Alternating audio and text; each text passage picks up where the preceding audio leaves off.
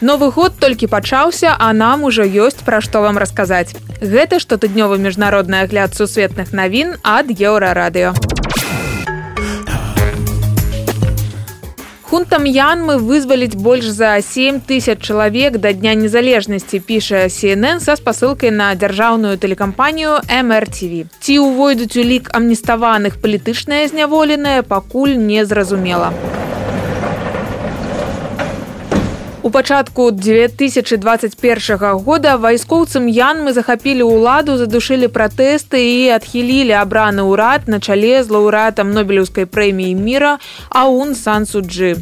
Самой лаўрэацыі да сённяшняга дня ўжо прысудзілі аж 33 гады зняволення. Яе трымаюць у адзіночнай камеры. У канцы мінулага года Александр Лукашенко таксама падпісаў закон аб амністыі, праўда, экстрэмістаў амністыя не тычыцца, а на гэтым тыдні пачаўся суд над нобелеўскім лаўрэатам алесем бяляцкім.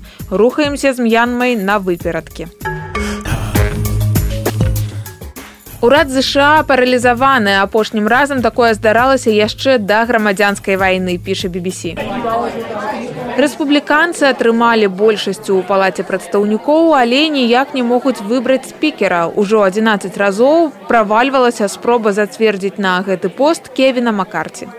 Супраць яго кожны раз галасуе група з 20 рэспубліканцаў, якія не вераць, што каліфарніец Макарці дастаткова кансерватыўны для партыі. Нават падтрымка з боку Дональда Трампа яму не дапамагае раунд за раундам, ён не можа набраць патрэбнай колькасці галасоў. А пакуль няма спікера, кангрэсмены не могуць ні прысягу прыняць, ні па законапраектах прагаласаваць. У папярэдні раз такія цяжкасці ў кангрэсе здараліся, калі ЗША спрабавала пераадолець рабства, то бок даволі даўно. Тады ў 19 стагоддзе, каб абраць спікера, спатрэбілася 44 раунды галасавання. Чарговая спроба зацвердзіць макарці на ролю спікера адбудзецца ў гадавіну беспарадку на капіталійскім узгорку, то бок сёння. І гэта ў палаце прадстаўнікоў яшчэ нават не пачыналі абмяркоўваць бюджэт. Год абяцае быць цікавым, калі хочаце хоць адным вокам паглядзець, як працуе, а часам як не працуе дэмакратыя, падключайцеся.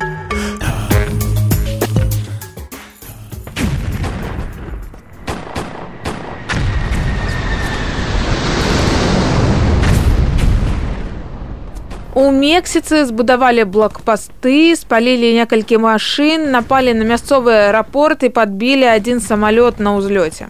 Гэта не пратэсты, гэта не рэвалюцыя, гэта помста за тое, што затрымалі сына экс-наркабарона Эльчапа, расказвае BBC. Паліцыя падазрае, што малады авідыа Гусман Лопес узначаліў былы наркакартэль свайго бацькі. Адзін з найбуйнейшых картэляў у свеце, дарэчы. Самы Эльчапа адбывае пажыццёвае зняволенне ў амерыканскай турме. Члены банды не даравалі затрымання лопеса і ў выніку 18 чалавек шпіталізавалі, трое праваахоўнікаў загінулі. У трох аэрапортах адмянілі больш за 100 рэйсаў. Прыгадвайце гэтую гісторыю, калі будзеце задавацца пытанням, чаму чарговы караван мігрантаў рухаецца з Мексікі на амерыканскія межы. Дарэчы, калі будзеце сапраўды сачыць за тым, што адбываюцца ў кангрэсе, дык будзеце прыгадваць гэтую гісторыю і караваны з мігрантамі. А ў ЗША выходзіць кніга прынца гары і гэта яго чарговая публічная заява пра парадкі ў палацы і яго чарговая заява, якую ігнаруе каралеўская сям'я.